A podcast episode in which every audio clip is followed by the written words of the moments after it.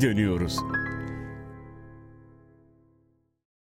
Geri dönüyoruzdan herkese merhaba. Yeniden e, buluştuk Dere Hocam'la. E, geçen haftadan yarım bıraktığımız ve muhtemelen bugün de tamamlayamayacağımız ülke adları üzerinde muhaveremiz kaldığı yerden devam edecek. En son zannederim Avusturya'da bırakmıştık hocam. E, Avusturya'dan devam edelim. Bu arada nasılsın? İyiyim Mahir. Sen nasılsın? İyiyim ben de seni gördüm daha iyi oldum. Avusturya üzerine konuşmuştuk. Sonra istersen doğuya doğru gidip şu Slav toplulukları e, bitirelim derim. E, bu Slav topluluklar arasında işte Slovence ve Slovakça e, konuşan bir takım topluluklar var. Aynı dilin çeşitli varyasyonları sayılabilecek. Bir şehir efsanesi okumuştum. Sloven Büyükelçiliği ile Slovak Büyükelçiliğine gelen mektuplar sıklıkla karışıyormuş postada ve bu iki büyükelçilik birbirlerine aylık olarak düzenli bir şekilde posta takası yapıyorlarmış buluşup. İşin ilginç tarafı biz Sloven ve Slovak diye bunları çok yine de ayırabiliyoruz ama kendi dillerine Slovençine ve Slovençine gibi böyle inanılmaz daha da benzer, daha da yakın e, isimler kullanıyorlar. Açıkçası ben bu coğrafyada Çeklerin adının nereden geldiğini bilmiyorum. E, senin bir fikrin varsa o fikirle aydınlanmaktan mutluluk duyarım. Bu Sloven ve Slovak adı gene Slav kökenli mi? Yani tesadüf evet, evet, değil evet. değil mi? Evet evet değil. Çocukken en sevdiğim ülke adı Çekoslovakya'ydı. Yani bunu şaka olsun diye söylemiyorum ya da Türkçedeki en uzun kelimeye gönderme yapmak için gerçekten bayılırdım. O yüzden onlar da yani bu ayrılık sonucunda bu sorunları yaşıyorlarsa yani keşke ayrılmasalardı da bu karışıklıklar hiç olmasaydı diye düşünebiliriz. Ama Slovenya Yugoslavya'daydı. Ama yok hayır şimdi Slovenya ayrıldığı zaman Yugoslavya parçalandığında da Çekoslovakya da aynı zamanlarda parçalandı. Evet evet evet. Birbirine evet, benzeyen iki tane ülke ismi ve ulus ismi ortaya çıkmış oldu. Yoksa biri zaten Çekoslovakya'ydı öbürü de Yugoslavya'ydı. Yani biz evet, çocukken evet. daha kolaydı ama şimdiki... Evet evet. Bir Çekoslovakya'mız vardı onu da elimizden aldılar evet, hocam. Evet yani en sevdiğim ülke adıydı. Çek adının şeyini bilmiyorum yani açıkçası kökenini. Sadece Çeklerin genel Slavlardan hani eğitim, kültür, zenginlik düzeyi olarak daha işte yukarıda üstte olduğunu biliyorum. Alman kültürüyle çok iç içe olduklarını hatırlıyorum. İşte tarih derslerden vesaire. Ve Almanlar ve Yahudilerin de etkisi var tabii biraz şeyde. Yani o Bohemya bölgesine ki kutsal Roma İmparatorluğu yani kutsal Roma Germen diye bilinen imparatorluğun içinde çok uzun yüzyıllar kaldıkları için hani diğer Slav kültürlerinden ayrıştıklarını biliyorum. Zaten çok ortak şeyleri yok. Ruh hali olarak o Çekoslovakya bölünürken ki herhalde dünyanın en tuhaf ülke bölünmesiydi değil mi o? Hiç kimse anlaşarak evet, boş, evet. boşanma evet, gibi. Evet. İşte Slovaklar bunlar bizi aşağılıyor, küçümsüyor. Biz fakiriz, bunlar zengin. İşte bıktık bunların bizi küçümsemesinden demişti. Çekler de ya biz çalışıyoruz sanayi her şey biz de bunlara mı bakacağız gibi bir boşanma gibi anlaşmalı boşanma gibi ayrılmışlardı.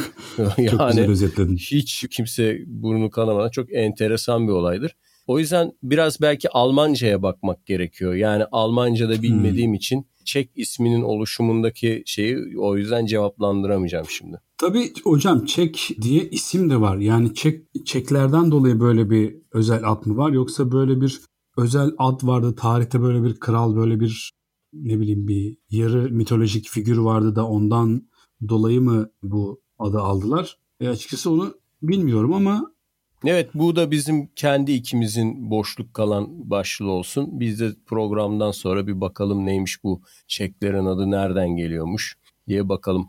Hocam açıkçası biraz mahcup olmadım da diyemem yani. Bilemedim. Batı Batı Slav dilleri diyor ansiklopedi. Neyse buna takılmayalım. Şey e, ben Re- Endonim Map rejide, açık... rejide hallederiz sonra ya Mahir. Şey tamam hocam ben, ben araya girip tamamlarım. Biliyorsun adını sıklıkla andığımız Ukrayna var yine.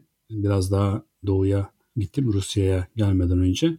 Ukrayna aslında hakikaten de böyle Putin'le aynı fikirde gibi görünmek istemem ama Ukrayna diye bir sadece bir coğrafi adlandırma olarak vardı. Yani Ukraynalılar diye bir topluluk aslında biraz Çarlık Rusyası döneminde hatta ve sonrasında icat edilmiş bir şeydi.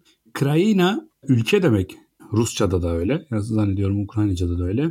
Ukrayna yani bu aslında ülkede gibi bir anlamı var. Yani onu belirtili hale getiren bir şey. Yani ülke, ül, yani the land gibi bir şey. Şey Ukrayna diyorlar gerçi yani böyle onu Rus dilinde o dillerde biraz sınır ülkesi anlamına geliyor ya da ülkenin sınırı hani Rusya'nın sınırını ifade eden bir anlama geldi Olabilir. falan. Olabilir. Öyle okumuşum sanırım ama şeyde haklısın yani şimdi bizi günümüzdeki siyaset ya güncel siyaset ilgilendirmiyor. Bizi tarih, bilim, geçmiş ilgilendiriyor. Yani bugünün duyarlılıklarından yola çıkarak eskiyi eğip bükebilme gibi bir yola girmemize gerek yok. Ukrayna diye bir şey tarihte yani bu isimde bir siyasal organizasyon yok. Orası ya Leh Krallığı'nın yani işte ya da işte o büyük Leh Kra Polonya'nın büyük Polonya'nın bir parçası bir dönem. Ondan önce işte e, ne o Kiev Prensliği ki Rusların tarih sahnesine bir devlet merkezi çıkışlarının ilk şeyidir, ilk adımıdır. Kiev e, işte Knezliği diyelim. Ve ondan sonra işte Moğolların gelişi, Türklerle beraber işte Tatarların bölgeye yerleşmesi, Kırım Hanlığı'nın kurulması gibi. Yani oraya baktığın zaman evet böyle bir politik şey yok ama o kimlik var ama mesela bu Taras Bulba'da falan da var ya yani Polonya'dan hı hı. Katolik etkilerle yani Ortodoks kimliği arasında yaşanan o gerilim Avrupalı mı, Batılı mı, Doğulu mu? Yani orada yaşanan kriz şey değil. Son 10 yılda, 20 yılda, 30 yılda oluşmuş bir post-Sovyet krizi değil yani. O daha önce de bu programlarda konuştuğumuz gibi yani batıya dönük o Katolik geleneksel kültür ve gerçi Ukraynalılar Ortodoks oldukları halde bir kısmı bazı Katolik gelenekleri sahiplenmişler ve bazı Ortodokslar Papa'ya falan bağlılarmış diye hatırlıyorum ama yanlış hatırlıyor olabilirim. Hı hı. Yine e, Yahudi nüfusun çok olduğu yani nispeten evet. çok olduğu bir yer Ukrayna. Onların da kültürel ve siyasi etkilerinin olduğunu yatsıyamayız. Bu arada sen Ukrayna üzerine birbirinden kıymetli sözlerini e, dile getirirken ben de Çeklere baktım hocam. Çek sözcüğü Rusça'da da çelovek diye kullanılan adam yani topluluğun bir üyesi olan adam anlamında çel sözcüğünden türemiş. Yani onlar da kendilerine topluluk, insanlar topluluğunda Çek diyorlarmış. Gene Slavik bir sözcük yani. Evet, Alman dilleriyle evet. ilgisi yok. Evet yani. evet. Slovaklarla çok yakın yani etno genetik benzerlikleri olan bir toplulukmuş. Bunu da eklemiş olalım. Biz de geri dönüyoruzla öğreniyorum ee,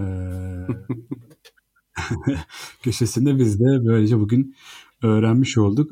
E, Ukrayna'nın üstünde Belarus var. Bu Belarus'un adı bizde yani haber dilinde zamanla Belarus oldu. Oysa biz e, Beyaz Rus. Eski, evet, eski Rus romanlarından falan hep Beyaz Rus diyebilirdik. Evet. Sonradan Belarus oldu. Fakat bu çok anlaşılır bir şey çünkü Bielorus yani beyaz Rus demek. Biela beyaz demek çünkü Rusça'da. Ama yani neden beyazlar, neden kendilerine beyaz Rus diyorlar herhalde bunu sen biliyorsundur. Ben bilmiyorum. Yo onu ben de bilmiyorum gerçekten. Yani, yani ne kendine... döküldüğümüz bir bölüm oluyor evet, hocam. Evet yani işte uzaklaştıkça Akdeniz coğrafyasından bu e, normal. Yani kendilerini neyde neden diğer büyük Rus toplumundan bu dille bu isimle ayırdıklarını gerçekten bilmiyorum. Bu arada yani güncel bir gelişme olarak Belarus'un da Rus bağımsız devletler topluluğuna katılacağı Avrupa rotasından tamamen şaştığı türünden haberler okuyorum. Ama işte o da onları tarihsel olarak açıklayabilirim tabii. Onlar şeye daha yakınlar. Yani e, kültürü anlamında birlikte hareket etmeye daha yakınlar. Yani Ukrayna'da coğrafyasında yaşanan tarihsel e, olayın hani onlarda geçmiş yok. Kilise birliği konusunda vesaire diyebiliyorum. Ama bence daha çok bildiğimiz şeylere doğru geçerek mesela en azından Rusları açıklayabilirim e, ve de Macarları sana açıklayabilirim yani o, o olabilir. Lütfen hocam istersen Ruslarla başla.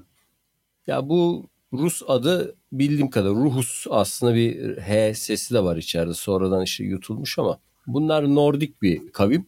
Kuzeyden geliyorlar. Yani işte Bizanslıların Varek dediği daha sonra Ortaçağ tarihçilerin Viking demeyi tercih ettik. İngilizlerin Nordik North, Northman, Northman dedikleri insan toplulukları bunlar bir dönem işte nehir yollarından ticaret yaparak ve işte fetihler yaparak, yağma yaparak ya da işte ticaret yollarıyla Hazar denizine kadar inmişler. Karadeniz'e kadar inmişler. Bizans'a gelmişler. Bizans'ta paralı asker olarak işte hizmet etmişler Varekler. Bunların bir kolu işte Rusya'da bir krallık kuruyor yani o bölgede. Ve bunların ilk kralların adı nereden biliyorsun Nordik olduklarını? Çünkü İsveç, Norveç dillerine, o Germen dillerine çok yakın kral isimleri ve insan isimleri var. İşte Rurik vardı galiba onu hatırlıyorum. İşte Helga diye bir kraliçe var ilk o kuruluş döneminde. Ruslar ona Olga diyor ama gerçek orijinal adı Helga. İşte İbni Fadlan seyahatnamesinde bunlardan bahseder falan. Bu Rus adı tıpkı bizim geçen programda Bulgar yönetici sınıfın bütün Slav topluluklarına kendi adını verip ortadan kaybolması gibi, erimesi gibi.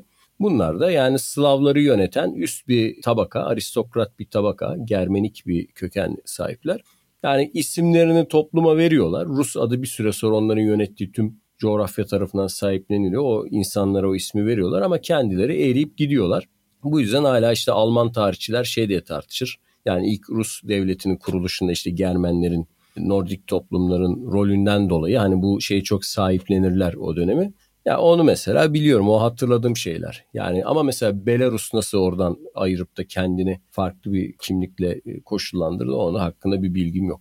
Hocam o zaman batıya doğru gidelim daha fazla kendimizi kepaze etmeden. Almanya var ilginç bir adlandırma hikayesi bizim için. Çünkü dünyada özellikle Hint-Avrupa dilleri konuşan Avrupa toplulukları içerisinde Almanya'ya Almanya diyenler ve demeyenler olarak ayrılıyor denebilir Avrupa'da. E biz Almanya diyoruz çünkü Latin dillerinden İspanyolca'da işte ne bileyim Fransızca'da benzer bir kelime kullanılıyor. Önce örneğin Fransızca'da Allemagne deniyor ve bu sözcüğün Alle Magnus sözcüğünden türetildiği kabul ediliyor. Bunun da sanırım e, Kutsal Roma Cermen İmparatorluğuyla bir ilgisi olabilir. Kendilerine Deutsch diyorlar.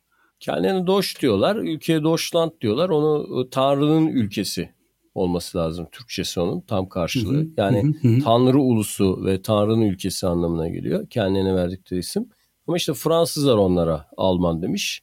Senin güzel telaffuzunda tam o şey diyen de var. Bütün insanlar, bütün topluluklar anlamına gelen bir e, kökü olduğu da iddia edilir. Alaman köküne. Çünkü Alaman diye bir kabile var bu arada. Yani şimdi biz işte Alamancı, Alamanya falan deriz ya köy ağzında Anadolu'da. Hı hı, hı. Hani şey yaptığımız sanılmasın hani espri yaptığımız gerçekten yani orta çağda o kavimler göçü sırasında bu ismi baya baya kullanan yani Alamanlar olarak Alaman kabilesi var ve bu Alaman kabilesi tam da bugün Fransa'nın içlerine doğru akınlar yapan bir kabile. Muhtemelen Fransa'daki Latin kökenli yazar çizerlerin o dönem işte geç Roma dönemindeki karşılaştıkları bir Germenik kabile olduğu için yani ilk onlarla karşılaştıkları için yoğun Germen nüfusuyla bütün hepsine de Almanların adını vermiş olabilirler. Yani bu genelde böyle oluyor işte. Geçen hı hı. konuştuğumuzda aynı şeyleri söylemiştik. Karşılaştığınız ilk isimlendirmeyle hani Türkiye'de de bir firma çıkıyor. Firma adını ürüne veriyor artık. Ürünün tabii, adı tabii. o. Selpak gibi ha, mesela. mesela. Onun gibi bir süre sonra artık onun yerine geçiyor. Onun gibi ilk gördüğünüzde bu ismi veriyorsunuz. E yani Fransızlar işte böyle isimlendiriyor. E biz niye böyle isimlendiriyoruz? E biz çünkü Osmanlı'da Fransa'nın kültürel etkisi altına girdikten sonra işte bu 3. Selim'in okullarda Fransızca okutmaya başlaması, askeri okullarda vesaire. Fransızlar dünyayı nasıl isimlendiriyorsa coğrafyada insanları, ülkeleri, şehirleri biz de öyle isimlendiriyoruz. İşte daha önce de bunu konuşmuştuk sanırım. Ne diyoruz? Mesela Londra diyoruz. Neden Londra diyoruz? Çünkü aşağı yukarı Fransızlar benzeri şeyler kullandığı için işte İngiltere diyoruz. Gene Fransızcadan dilimize gelen bir şey. Yani Fransızlar Almanları böyle isimlendirdiği için biz de böyle isimlendiriyoruz. Daha önceden zaten Osmanlı'da bir şey ayrımı olmadığından dolayı yani tamam Avusturya'dakilere Nemçe falan diyorlar da bir Almanca konuşan topluluklar ayrımı bizde yok. Bizde bildiğim kadarıyla iki tür Avrupalı ayrımı var. Bir Frank dediğimiz Frank'i nasıl tanımlayabiliriz? Sarışın, uzun boylu, muhtemelen Kuzey Avrupa'dan gelenler. Onlara Frank diyoruz. Bir de işte Levanten dediğimiz onlar da hani böyle İtalyan, İspanyol, bize Akdeniz'de yakın olan Avrupa'dan gelenler. Ama tabii bu da böyle çok net değil. Bazen hani İtalyanlara da Frank denildi oluyor ama genelde Frank'ten kasıtları biraz Kuzey Avrupalılar. Bunun içine tabii Almanlar da dahil edilebilir. Bu arada belki de Frank sözcüğünü de Evet evet onu Fransa'da konuşacağız. Evet, onu da konuşmak gerekir. Frank bizim Şimdi, dilimizi çok... Aslına bakarsan İspanyolca'da tam olarak Alemanya deniyor şeye Almanya'ya. Bu tabi bize Fransızca etkisiyle geçmiş olduğu gibi biliyorsun İspanyolca bizim topraklarımızda da konuşulan bir dil. Yani işte Yahudilerin yazarlık, çizerlik, elçilik yaptığı gerçeğini de göz önünde bulundurursak çünkü Ladino'da da Alemanya, Almanya deniyor hatta.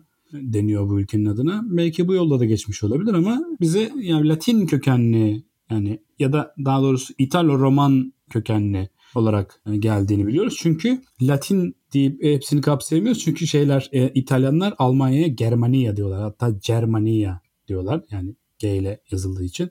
Germania fakat konuştukları dile Tedesco diyor İtalyanlar. Bunun da yani Theo yani Tanrı ve discutare ta- tartışmak yani e, kökünden geldiğine dair bir yazı okumuştum. Yani biliyorsun İtalyanlar Katolik, Almanlar Protestan olduğu için Tanrı'nın varlığını, mutlakiyetini tartışmaya açan e, anlamında onlara Tedesco, Tedeschi e, diyor olabilirler diye bir yorum okumuştum. Biraz magazinel bir yorum gibi görünmekle birlikte bana mantıklı gelmişti açıkçası. Ya olabilir. Ne, reformun doğduğu ülke Almanya. Yani neticede Almanca konuşan Katolik nüfus da büyük şey var ama netice bir reform ülkesi olarak ilk akla gelen olduğu için. Ama tabii yani Avusturya'da konuşulan Almanca'ya da Tedesco diyor yani hani hani neredeyse full Katolik bir ülke ama Belki işte de geçmişte yani. belki de geçmişte onların dindarlığına vurgu olan bir şey de olabilir. Sözcük de olabilir. Neticede hani hmm. e, Dutch dili de dediğimiz zaman gene tanrı dili anlamına evet, doğru. Bunun tabii, doğrudan tabii. İtalyanca'ya çevrilmiş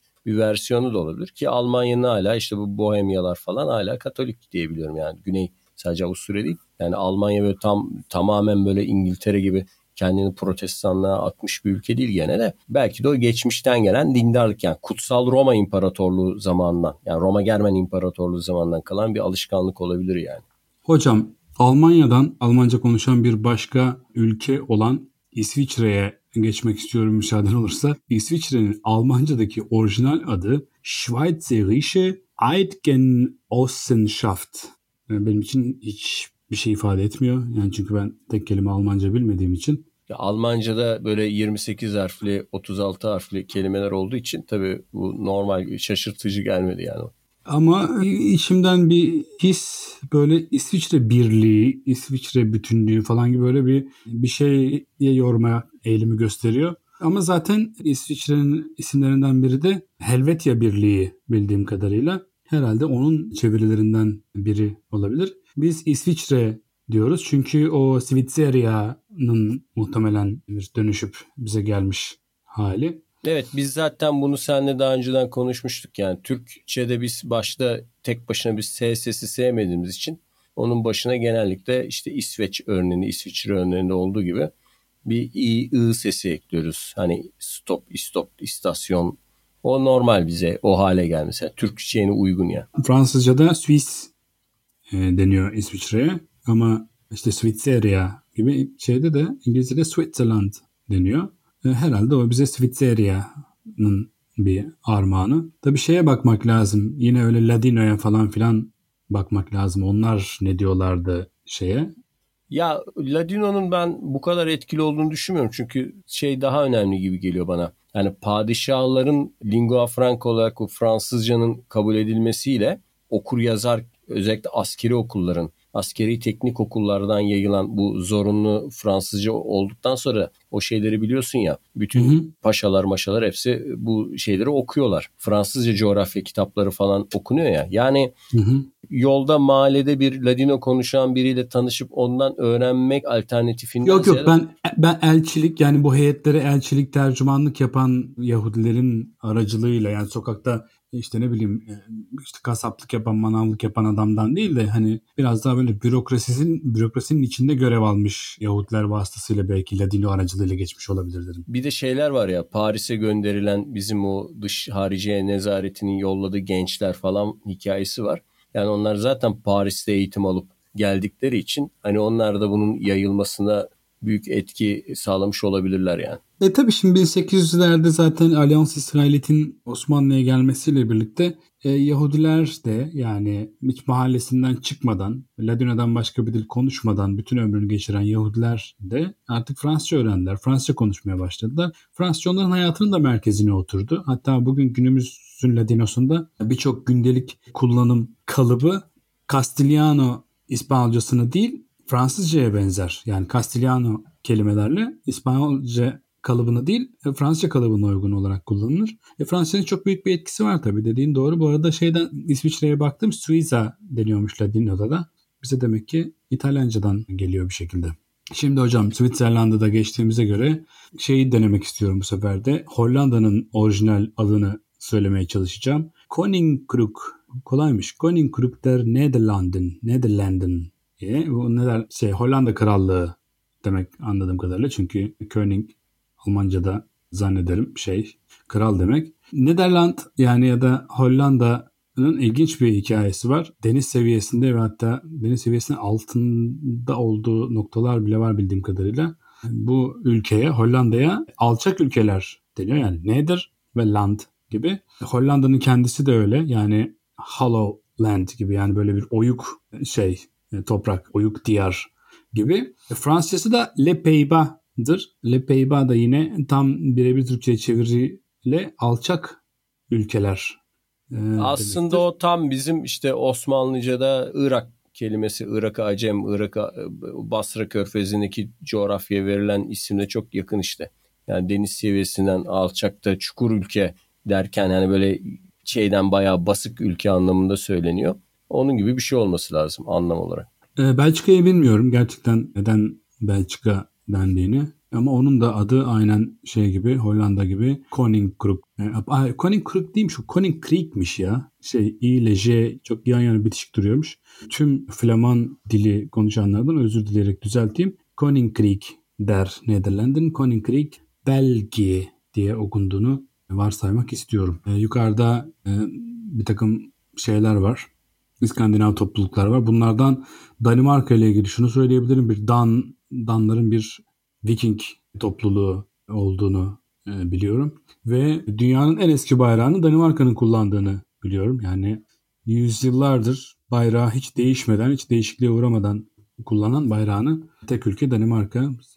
Zannediyorum böyle 200'lü yıllardan beri falan aynı bayrağı kullanıyorlar. Efendime söyleyeyim ha bir şey ilginç. Finlandiya'ya biz Finlandiya diyoruz. Bütün dünya Finlandiya diyor.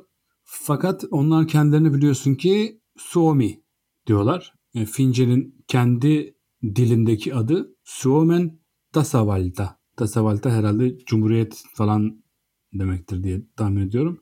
E, neden kendini Suomi diyorlar? Çünkü burada işte Samiler e, var yine böyle bir Kuzey Nordik topluluklardan biri. Bunların bir Fin-Ugor dili konuşan başka topluluklar var. İşte Samiler, Suomiler bir takım orada topluluklar var. Onlardan hakim olan topluluk Suomiler olduğu için ülkenin adı da Suomi olmuş. E, Finland deniyor çünkü Cermen dillerinde Fin, Fin'in güzel gibi bir anlam var. Güzel ülke anlamında Finland e, demişler. Sen Macarları anlatacaktın bize hocam. Ya işte bu bizim tabii kültürel olarak Türk e, halklarıyla bağ olduğu iddia edilen o Ural Altay dil ailesine yakın olan o Finugor dil ailesi olarak hani Macarlar dikkat çekiyor. Macar bildiğim kadarıyla bu bunların 10 büyük boyundan bir tanesinin adı diye hatırlıyorum. Magyar kabilesi oradan geliyor diye. Yani biz o yüzden Macar diyoruz. Hocam biz neden Macar diyoruz biliyor musun? Neden yani kendilerine, diyorsun? kendilerine Magyar yazıyorlar adlarını. Hatta tam onların ülkelerin adını da söyleyeyim e, Macarcasını. Magyar Orsak. Magyar Orsok hatta galiba. Fakat bu e, Magyar'ı Magyar diye okumuyorlar. Bizde midye sözcüğündeki dy bileşimi gibi böyle d'ye yakın bir şey. Madyar diye söylüyorlar bunu. Ve biz o Magyar'ı muhtemelen Macar diye duyuyoruz. O yüzden Macar. Ya, ama işte iki iddia var biliyorsun hani şeyleri çok severler böyle teorileri. Hani Hunların soyundan geldikleri için işte Atilla'nın soyundan geldikleri için işte Hungary dedikleri iddia ediliyor. Ama tabii onun dil bilimciler son zamanlarda hani buna karşı çıktılar ve bunların kendine verdikleri isim Ungar değil mi zaten? Hı hı, evet evet tamam. Onogur.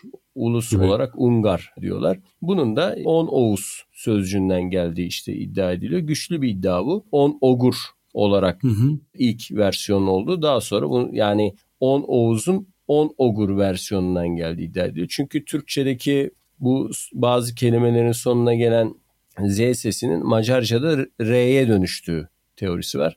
Örneğin işte biz deniz diyoruz. Onlar denir diyorlar. Biz işte Türkçe'de öküz deniliyor. E, Macarca'da ise ökür deniliyor. Yani bu bir sistemli bir dil karşılaştırması yaptığın zaman Türkçedeki Z sesleri Macarca'da R'ye dönüşüyor. Bu yüzden de hani Oğuz isminin de Ogur olarak Macarca karşının olduğu şeklinde güçlü bir dil teorisi var.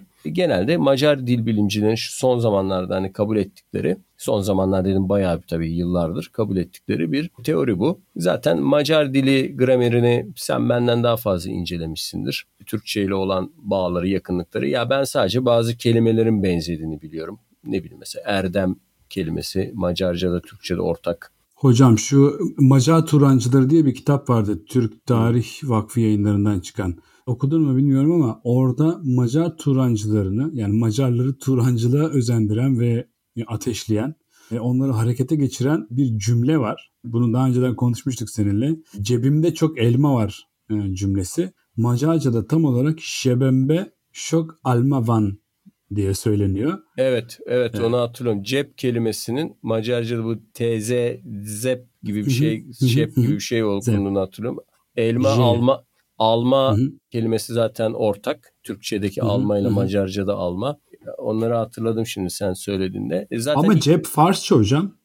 Cep Farsça mı? O zaman belki de Osmanlı kanalıyla da geçmiş olabilir. Yani şimdi Macarca'da... Ama çok çok ortak kelime var hocam. Yani mesela aslana Oroslan deniyor işte arpaya arpa falan böyle hani yani arkaik kelimelerin hepsinde böyle bir ortaklık falan mesela süpürmek fiili süpürni falan filan gibi böyle hani çok çok benzerlikler çok ortaklıklar var. Hatta şöyle ee, benim adım mesela işte töre adı Macarca'da galiba Torbani diye geçiyor gelenek. Evet, Torban havalıymış ama ya, tam böyle evet, Macar besteci evet. e, at, at, Attila Torvani. Attila Torvani. Şimdi hani o yüzden Zaten ilk Türkoloji bölümleri falan Macaristan'da kuruluyor. 1870'lerde falan bu bir şey kuşak var ya işte Körösi, Ligeti, işte Raşonyi birçok Macar böyle dil bilimci, araştırmacı. Bunlardan hangisiydi? Bir tanesi işte Asya'ya gidiyor bunlar. Orta Asya'yı geziyorlar. İşte kılık değiştirip şey kılına giriyorlar falan filan. Köresiydi galiba. Yani bunlar büyük bir o dönem Macaristan büyük bir atılım yapıyor. Orta Asya araştırmalarında. Japonya'ya gidiyorlar, Moğolistan'a gidiyorlar, işte Türk bölgelerini geziyorlar. Turancılık da gene o kitapta geçiyordu sanırım o ayrıntılı bir şekilde. İlk defa e, hem edebi alanda hem siyasi alanda hem işte dernekleşme, örgütlenme anlamında Turancılık dediğimiz hareketin doğduğu ülke Macaristan aslında. Yani daha Evet, ilk ilk ilk Turancı dernekleri Macaristan'da kurulmuş. Yani benim hatırladığım kadarıyla Turan Yıllığı dergisi falan. Ya yani bu ismi kullanan yayınlar, bu ismi kullanan dernekler, yapılar hareketler. Galiba hala da öyleymiş. Bazen öğrenciler anlatıyorlardı. Benim bir iki öğrencim gidiyordu orada kurultaylar falan oluyormuş Macaristan'da. Turan şeyleri. Böyle bir parti varmış hala siyasi olarak. Yani siyasi Turan'ı da savunan. İşte bütün Macarları, Türkleri, Orta Asya'dakileri vesaire birleştirecek. Bunlar o dönem tabii böyle bir politik şeye de giriyorlar yani Macaristan'da. İlginç bir heves hocam. Evet Macaristan'ın böyle bir şeyi de var.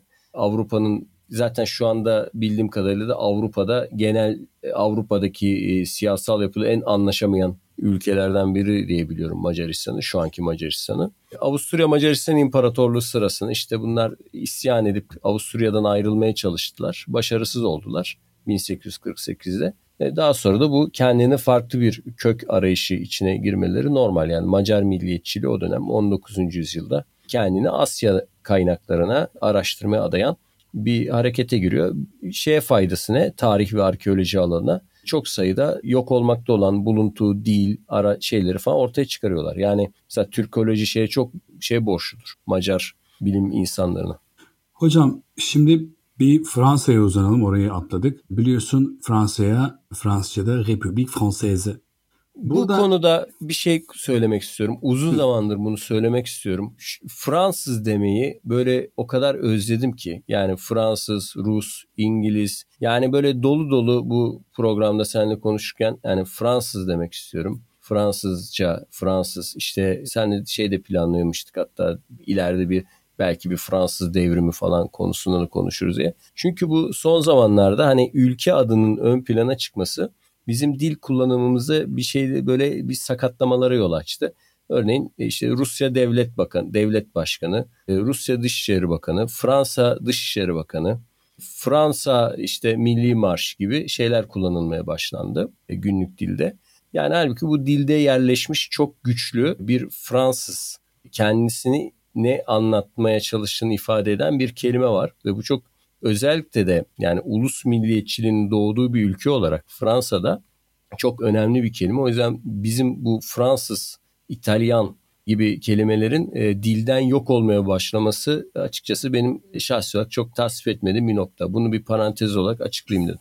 Hocam hemen senin parantezinin sonuna ekleyeyim. Republik Française zaten başlı başına Fransa Cumhuriyeti Fransız Cumhuriyeti demektir. Yani oradaki Française bir sıfat hatta feminen bir sıfat durumundadır. Republik e, feminen bir sözcük olduğu için. Fransa'nın ismi ilginç bir şekilde bir Cermen topluluğunun adı aslında. Frankların evet, evet, adından geliyor. Kendileri Frank yani kendileri Cermen olmadıkları halde yine Rusların başına gelen, Bulgarların başına gelen benzeri bir iş gelmiş herhalde Fransızların başına da. Kendileri Latin ve Galya kökenli halklar olmalarına rağmen isimleri ya orada bir karışım var. Şöyle yani bunlar aslında ilk adı biliyorsun Galya. Hı hı. Yani bilinen tarihe bunların protohistorik olarak geçişleri Gal Kelt ülkesi zaten Galya. Yani ilk adı bu. Romalılar buraya girerken. Fakat Romalılar buraya ele geçirdikten sonra işte bu özellikle Kaiser Sezar dönemi tamamen Roma İmparatorluğu, imparatorluk yok o zaman ama Roma'ya katıldıktan sonra yoğun bir Latin kültürü etkisi başlıyor ve burada bir sentez ortaya çıkıyor. Yani Latin kültürüyle Kelt kültürü burada 200-300 yıl boyunca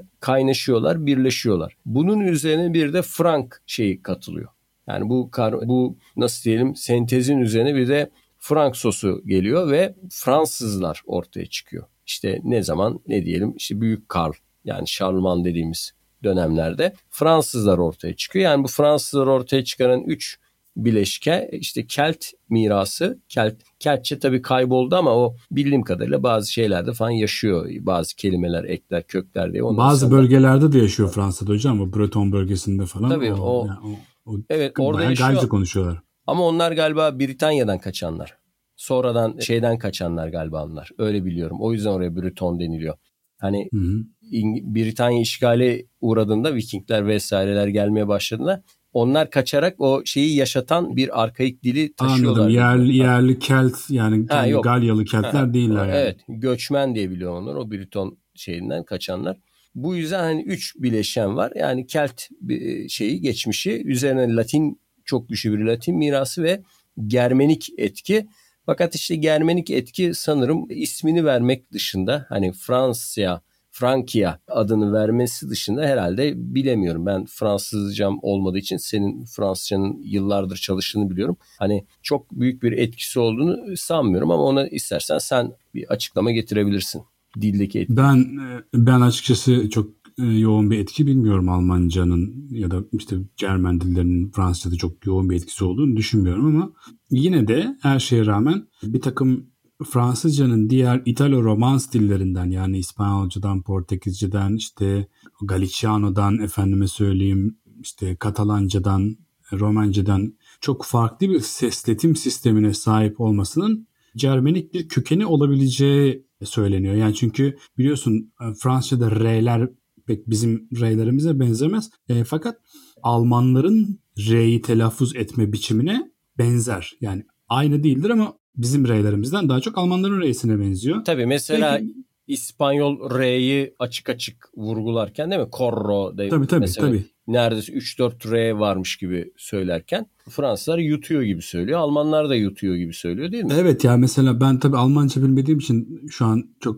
üfürüyorum ama mesela işte Almanca'da 3 demek mesela drei dediğin zaman oradaki R sesi ben Fransızların kullandığı R sesine çok benzer bir şey yani. Trois diyor adam mesela. Drei, trois. Ya şeyden biliyorum canım televizyonlardan işte Hitler derken Merkel derken biz mesela Hitler'i Hitler diyor ama onlar böyle Hitler falan böyle sonunda böyle bir hmm. yumuşak G çıkıyor gibi söylüyorlar. Hocam bu hazır bu Republik Française konusu gelmişken bizi şey konusunda da aydınlatır mısın? Nedir bu Republik? Yani neden işte Respublika, Republika, Republic işte neyse Cumhuriyet anlamında kullanılan işte Latince kökenli bu sözcük ne demektir? Bize bir anlatır mısın? Ya Roma İmparatorluğu imparatorluk olmadan önce Cumhuriyet zamanında Milattan önce 509'da kralları kovduktan sonra Roma'da bunlar cumhuriyetti. Re, Rex krallara Rex deniliyordu. Roma'da. Krallar gitti ama hani yönetim fiili sanırım gene böyle Rex'li bir şey diye hatırlıyorum. Yönetimle ilgili olan. İşte bu publikası da bunun halk kısmı oluyor. Yani halk yönetimi gibi çevirebileceğimiz bir kelime yani Latinceden. Hocam yani senin lafın üstüne laf söylemek bana yakışmaz ama Rex değil de galiba oradaki kelime gerçekten res de olabilir. Res çünkü şey demek Latince'de. Kamu şeyi e, demek Latince. Kamu şeysi yani gibi. E, çünkü bunu nereden biliyorum biliyor musun? Bir gün Polonya Büyükelçiliğinde bir resepsiyona katılmıştım. Böyle bir salon hayatım vardı Ankara'da yaşarken. Oradan bir Polonyalı anlatmıştı bana. Çünkü Polonya'da da RP yazar her yerde. Ben işte böyle Republik Polonaise diye düşünmüştüm onu. Fakat benim şu an korkunç bir şekilde telaffuz edeceğim üzere Rzesz Pospolita Polska diyorlar. Buradaki o Rzesz Pospolita sözcüğü kamu şeyi demekmiş. Tam olarak birebir Latinceden alıp kelime kelime çevirmişler. Oradan biliyorum kelimeyi. Belki belki bu da böyle bir bilgi, böyle bir yorum olabilir. Olabilir çünkü res gesta ediyorlar. Mesela bu işte Romalı konsüllerin, imparatorların topluma seslenen, insanlara seslenen yazıtlarına da öyle halka hitap ettiği yazıtlara da öyle isim veriyorlar. Olabilir yani muhtemelen. Yani o res kökünden geliyordur. İşte bu bir halk yönetimi anlamına gelen bir kelime. Yani bu bütün batı dillerine de e, işte Respublika değil mi? Rusça'da falan öyle diye geçiyor zaten. Bizim o Sovyetler Birliği'nden post Sovyet Türk Cumhuriyetlerinde de hala böyle kullanılıyor. Evet, evet. Respublika diye kullanılıyor. Mesela Republic deniliyor. E işte bir Latince kökenli. Latince'nin devlet yönetimi mirasından bıraktı. Yani Roma İmparatorluğu gitti ama büyük bir şey bıraktı tabii arkasından. Siyasi miras ve işte hukuk terimleri mirası bıraktı. Bu da bunlardan biri. Bunların o kadar çok örnek verilebilir ki hani apayrı bir konu olur yani. Latinceden gelen terimsel miras ve birçok Latince kelime kullanılmazken siyasi hukuki kelimelerin bu kadar geniş kullanılması da yani Slav toplumlarını da etkileyecek şekilde o da tabii önemli bir olay yani. Önemli bir gösterge. E hemen Fransa'nın yanında İspanya e, var tabii. İspanya Roma İmparatorluğu'nun bölgeye verdiği Hispania adından geliyor bildiğim kadarıyla. Sen tabii daha iyi bilirsin ama burada kurulmuş krallığın adı da e, orijinal haliyle Reino de España Şimdi tabii Espanya olmuş şeyde e, H sesinin İspanyolca'da karşılığı olmadığı için H telaffuz edilmiyor biliyorsun şeyde. İspanya'da zaman içerisinde Latince'nin H harfleri zaten e, neredeyse bütün şeylerde Latin, İtalo-Roman dillerde e, düşmüş, kaybolmuş. Hispanya'da zamanla Espanya olmuş. Yanlış bilmiyorsam değil mi hocam? Bu romanlar burayı İberya diyorlardı ama tabii orada İspanya ve Portekiz'i toptan yani yarım adayı da kastederek daha sonra bu İspanya adı ortaya çıkıyor. E, enteresan bir şekilde romanlar Gürcistan'a da İberya diyorlardı. Bu Hı-hı. geçen konuştuğumuz Alban öyküsü gibi de sanırım bu da böyle bir şey. Yani belli bir coğrafi tanım olabilir bu. Yani İberya, e, gerçi orada bir Ebro Nehri var. Oradan kaynaklandığı söyleniyor. Yani İberya adının e, antik çağdaki ismin. Şey Ama, gibi hocam bizde de mesela çorak yerleri falan mesela Anadolu'da bir sürü adı Bayat olan yer vardır mesela. Onun gibi ya, bunun adı da Bayat olsun falan demişler hep. Bayat adı şeyden de geliyor olabilir. Bu Oğuz boyları Türk, Türkmen şeylerinden birinin adı ya Bayatlar. Evet ama ben hiç böyle yemyeşil bir bayat görmedim tabii. Yani bilmiyorum herhalde. Belki de şey yerlere yerleşmeyi tercih etmediler. Yani ona, ona da bakmak lazım. Boz, bozkır sevdikleri için bilmiyorum. Şimdi bu hani neden hani şeyde iki tane İberya var? O o konuda da zaten hani kimse tam nedenini bilmiyor. O yüzden orada bir boşluk var yani bilgisel boşluk var. Ama Gürcistan'a da Romalılar İberya diyorlar. Tıpkı İspanya o Portekiz bölgesine dedikleri gibi. Hocam hızlıca Avrupa'nın ucuna geldim. Portekiz'e. Biz Portekiz'e ilginç bir şekilde Portekizli anlamındaki Fransızca'daki Portugez sözcüğünden türetilmiş Portekiz adını kullanıyoruz.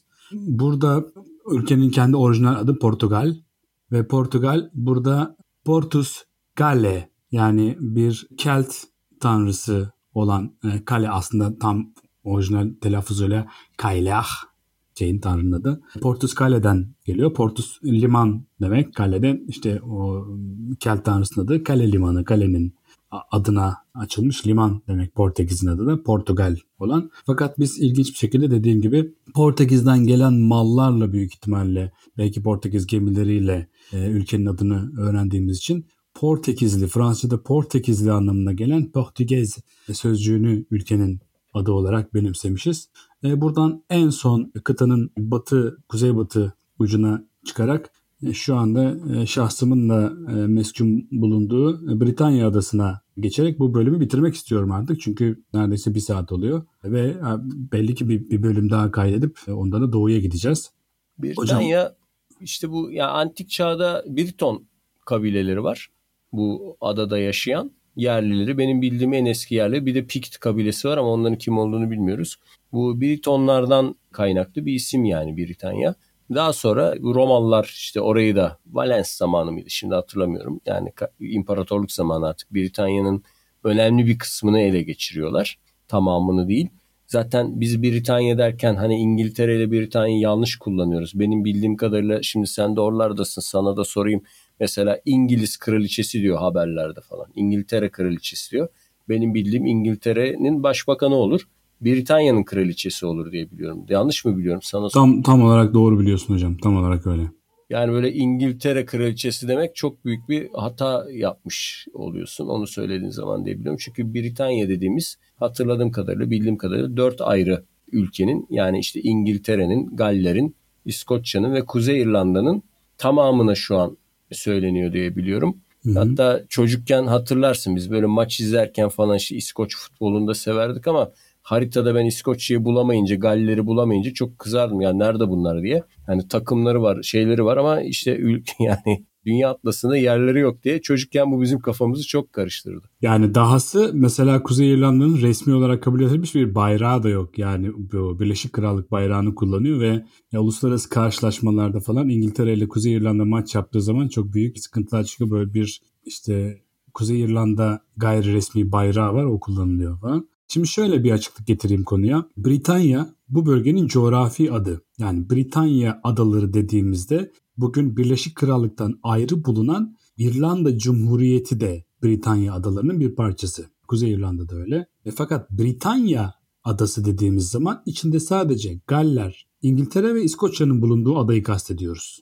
Çünkü öbür, öbür öbürü başka bir ada yani İrlanda'nın bulunduğu yer başka bir ada. Ve bu Britanya adasının içinde Galler, İskoçya ve İngiltere'de üç farklı ülke var. Üçü idari olarak birbirine bağlı ve bu üçünün birbirine bağlı olduğu asıl çatı ad Birleşik Krallık. Yani e, buna United Kingdom deniyor İngilizce'de. Fakat bu 3 artı bir de Kuzey İrlanda'yı da içine katacak olursak bu 4 e, devletin vatandaşlarına da British deniyor. Britanyalı. Yani böyle hiç kimse ben İngiliz vatandaşıyım demiyor. Ben British'im diyor. İşte ben İskoç vatandaşıyım demiyor. Çünkü vatandaşlık doğrudan United Kingdom'la kurulan bir ilişki olduğu için.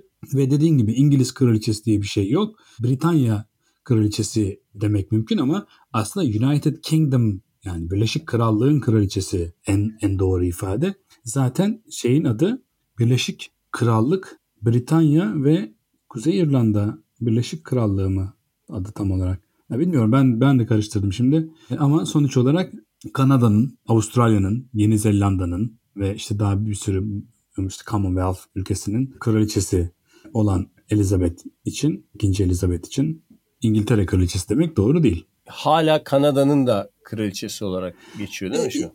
Yani aslında ya de facto olarak değil tabii ki. Yani orada fiili olarak yani onun bir şeyi yok. Yani onun atadığı valiler bilmem neler falan filan var ama bunlar çok sembolik şeyler. Hı. Yani o de jure olarak aslında hala oraların kraliçesi. Çünkü biliyorsun Kanada'nın, Avustralya'nın, Yeni Zelanda'nın devlet başkanları yok. Başbakanları var sadece. Ya bunlar yakın zamana kadar işte böyle First Minister adıyla atanan şeylermiş. Zamanla Prime Minister olmuşlar. İskoçya'nın da yoktur mesela başbakanı. Galler'in de yoktur ama işte First Minister'ları var oralarında. E, ve hala işte böyle kraliçe tarafından atanan bazı vali diyebileceğimiz. Hindistan genel valisi. evet, gibi böyle bir takım şeyler var yani. İngiliz adı nereden geliyor? Bu kavimler göçü sırasında Roma İmparatorluğu'nun çöküşü sırasında Angollar adaya Hı-hı. çıkıyorlar. Angollar ve Saksonlar. Bunlar Hatta aslında, Angıllar galiba hocam. Angıllar, tam, tam, tam bir şey Latincesi şeyde Hı. öyle de geçiyor. Bunlar Germenik toplumlar. Zaten tarihsel İngilizceye bakıldığında hani geçmişe indiğinde İngilizce Almanca gibi oluyor. İngilizce böyle yazıldığı gibi okunduğu zaman zaten ne kadar böyle Almanca kendine e, yakın Hı-hı. bir dil olduğu da ortaya çıkıyor. İşte Mallory'nin kitabında vardı o Hint Avrupalıların izinde diye güzel klasik bir kitaptır o. Dost kitabı evinden çıkmıştı. Orada bin yılına ait İncil'lerdeki İngilizceden örnekler verir. İzlandaca'ya benziyor değil mi? Yani çok böyle işte su mesela işte vattar falan böyle. Yani water watta işte çayırla Freyland falan çayır demiyor mesela Freyland diyor falan. Yani tam hani sen benim Grönland telaffuzunu falan çok sevmiştin ya. Tam öyle bir şey bir İngilizce böyle bir ortaçağ İngilizcesine baktığın zaman sanki Almanca dinliyormuşsun gibi ya da bir Kuzey Avrupa dili dinliyormuşsun gibi oluyor. Sonra tabii giderek kopmuş ve yumuşamış ve Fransızcanın tabii çok etkisi altına girmiş. Örneğin yani birçok Almanca köklü kelime kaybolup yani Germenik kelime kaybolup onların yerine Latin kelimeler almış. Örneğin e, ne bileyim işte power kelimesi falan onlar Fransızcadan hep alınmışlar. Onların eskilerine baktığın zaman işte Alman Germenik kelimeler buluyorsun. Hı hı. Eski İngilizce'de craft falan o tür kelimeler çıkıyor. Neticede hani bu Anglo-Sakson topluluğu yerleşince Britonlarla karışıyorlar. E bir de bunun bir Roma tabii orada garnizonları var. Onlardan kalanlar var. Doğal olarak böyle bir karışım ortaya çıkıyor. Bu karışıma benim hatırladığım kadarıyla son işte eklenenler Nordikler. Kuzeyden gelerek Vikingler de yerleşiyor. Ve bugün işte bizim şu an hani günümüz Britanyalısı e, kimliği oluşuyor. Bunun içine işte bu Galler bölgesi eski Kelt kimliğini e, İskoç bölgesi eski Kelt kimliğini temsil ediyor ama sen onu daha gözlemlemişsindir. Benim bildiğim kadarıyla öyle Keltçe konuşan falan kalmadı diye biliyorum. Belki bir tek Galler'de ağırlıklı olarak böyle bir Kelt dili uyanışı bir böyle bir, bir politika olarak gözetiliyor. Yani nüfusa oranı %60'lar civarında olduğunu öğrenmiştim Galler'de, Galce bilenin. Fakat günlük hayatta hiç kullanıldığına tanık olmadım. Ben Cardiff'e falan da gittim. Hiç orada e, böyle insanların birbirleriyle Galce konuştuğunu falan görmedim ama bir fiil kullanıyor. Bir çift dilli olarak bütün tabelalar işte bilmem neler falan filan ama bunun tabii şey, sembolik politik bir anlamı da var yani. Şey bir dil ama değil mi? Böyle mesela Greenville böyle 3 2 tane W 2 tabii, tane tabii, L tabii, tabii. hiç arada sesli mesli yok. Bir böyle... de şey bazı bizde sessiz harf olarak görünen harfleri de sesli harf olarak kullandıkları için Hı. Yani W işte Y gibi bir takım harfleri sesli harf olarak kullandıklarından e, bazı kelimeler hiç sesli harf yokmuş gibi görünüyor. E, ama eğlenceli bir dil, zor bir dil olmak. Yani bir birlikte. Yüzüklerin Efendisi tadı veriyor değil mi? Yani tabii bir, tabii, yani... tabii tabii tabii canım. Tabii. Ya o... Hocam bir saati bulduk. Kelimenin tam anlamıyla 55 dakikadır konuşuyoruz. Ama şükür ki Avrupa'yı bitirdik. Önümüzdeki hafta bir aksilik çıkmazsa biraz doğuya gidelim. Doğuyu da konuşalım. Belki biraz işte Kuzey Afrika'dan falan da bahsederiz. imkanımız kalırsa. Lafı bu kadar uzatmadan toparlar ve dağılırız diye düşünüyorum. Bu haftaki bilgiler için de sana çok teşekkür ederim. Ee, seni tanımak benim hayatımın en büyük kazançlarından biri. Bu kıymetli bilgiler için seni tebrik ediyorum. Sana teşekkür ediyorum. Güzel yanaklarından da öpüyorum. Senin söylemek istediğin bir şey var mı? Yok uzatmayalım artık. Evet uzadı. O yüzden e, dinleyenlere selam iletiyorum. Tamam görüşmek üzere. Haftaya yeniden e, geri dönüyoruz da buluşmak, bir araya gelmek niyetiyle. Hoşçakalın.